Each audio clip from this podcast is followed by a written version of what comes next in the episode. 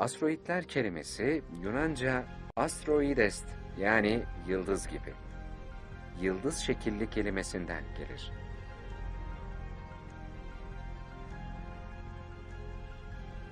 ...20. yüzyıl ortalarından itibaren... ...Güneş sisteminin dış sınırlarında henüz saptanamamış... ...çok sayıda gök cisminin bulunabileceği öne sürülmüş... ...ve olası yörünge özelliklerine göre... ...bu cisimleri içine alacak kuramsal Cooper kuşağı ve Oort bulutu terimleri tanımlanmıştır.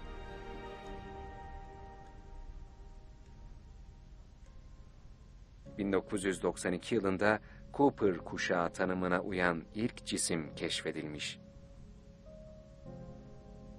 2012'ye kadar keşfedilen Cooper kuşağı cisimleri sayısı bini aşmıştır. Pratik nedenlerle Cooper ve Oort bulutu cisimlerinin Neptün ötesi cisimler tanımı altında toplanmaktadır.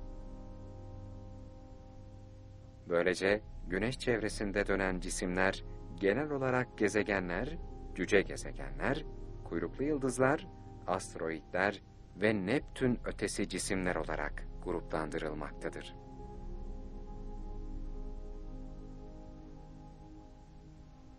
Gökbilim terminolojisinde yakın tarihlerde yaşanan yeni bir gelişme, uzun zamandır yaygın kullanımdan kalkmış olan minor planets kavramının yine pratik nedenlerle yeniden canlandırılmaya çalışılmasıdır.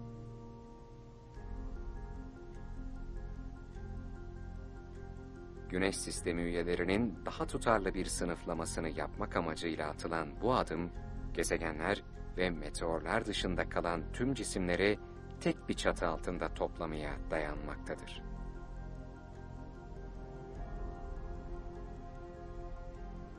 Fakat asteroidler ve Neptün ötesi cisimleri kapsayacak şekilde genişletilen bu kavram, Türkçeleştirme açısından sorun yaratmaktadır.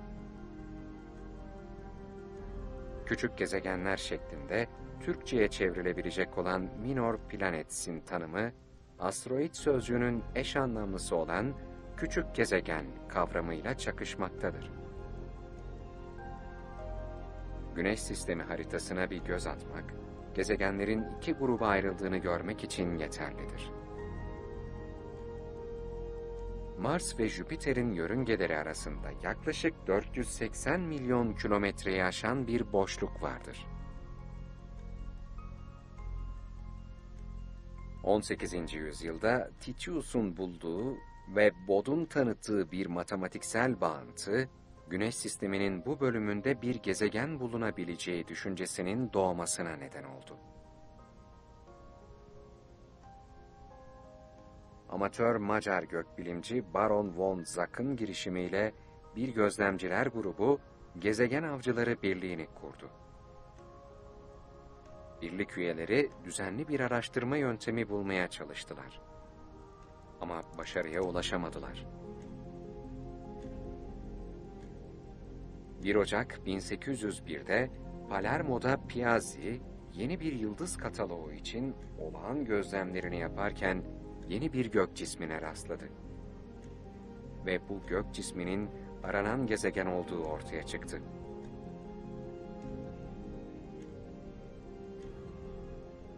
Watt yasasına uygun olarak ortalama 411,2 milyon kilometre uzaklıkta Güneş çevresinde dolanan bu gezegene Ceres adı verildi. Ne var ki gezegen avcıları bu gök cismini aranan gezegen için yeterli bulmadılar. Ceres tam anlamıyla bir gezegen büyüklüğünde olmadığından, hatta günümüzde çapının 952 kilometre olduğu bilinmektedir, başka gezegenler bulunabileceğini ileri sürdüler.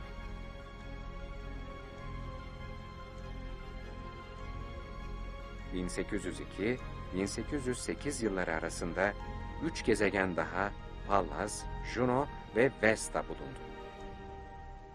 Sonra başka gezegen olmadığı kanısına varan Gezegen Avcıları Birliği dağıldı. Ne var ki 1845'te Alman amatör gökbilimci Henk, 5. küçük gezegen Astrae'yi buldu. ve 1848 yılından sonra her yıl birkaç küçük gezegen bulundu.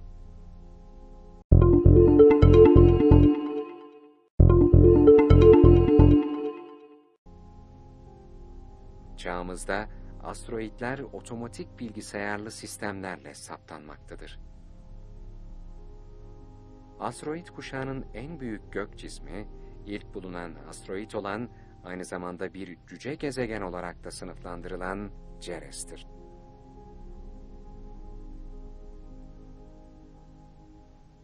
...952 kilometrelik çapıyla Ceres, tek başına tüm asteroid kuşağının kütlece üçte birini oluşturur.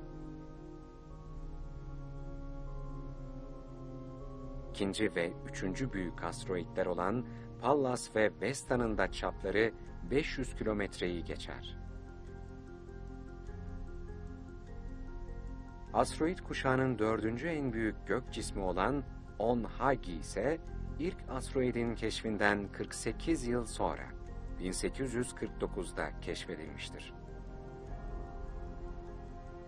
Bu gök cisimlerinin hiçbirinin kütlesi bir atmosferi tutabilecek boyutlara ulaşamaz. Birçoğu birkaç kilometrelik hatta birkaç yüz metrelik kütlelerdir. Ve en büyük birkaçı hariç küre şeklini alacak kadar kütle çekimleri yoktur. Asteroid kuşağındaki gök cisimleri kümelenme eğilimi gösterir ve bazı bölgelerde bulunmazlar.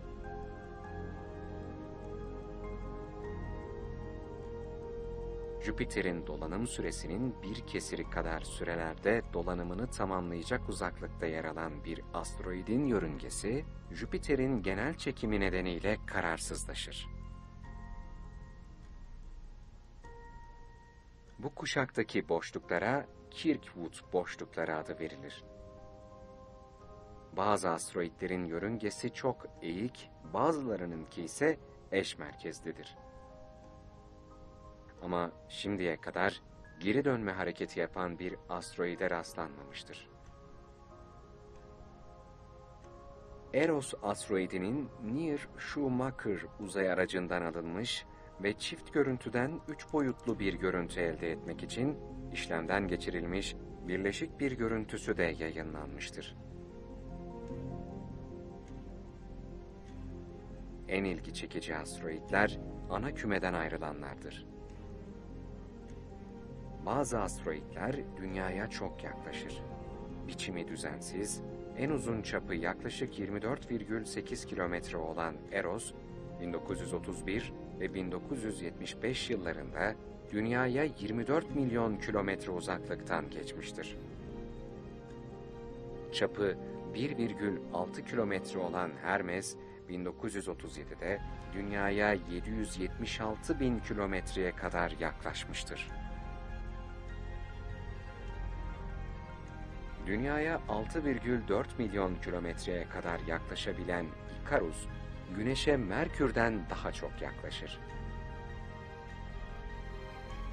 Yörüngesi çok basık olan Hidalgo, gün öte noktasında Satürn'ün yörüngesinin yakınlarından geçer. Troyan asteroidleri Jüpiter'le aynı yörüngeyi izler. Ama Jüpiter'le aynı hızda ve ondan 60 derece açısal uzaklıkta dolanması nedeniyle bir çarpışma söz konusu değildir.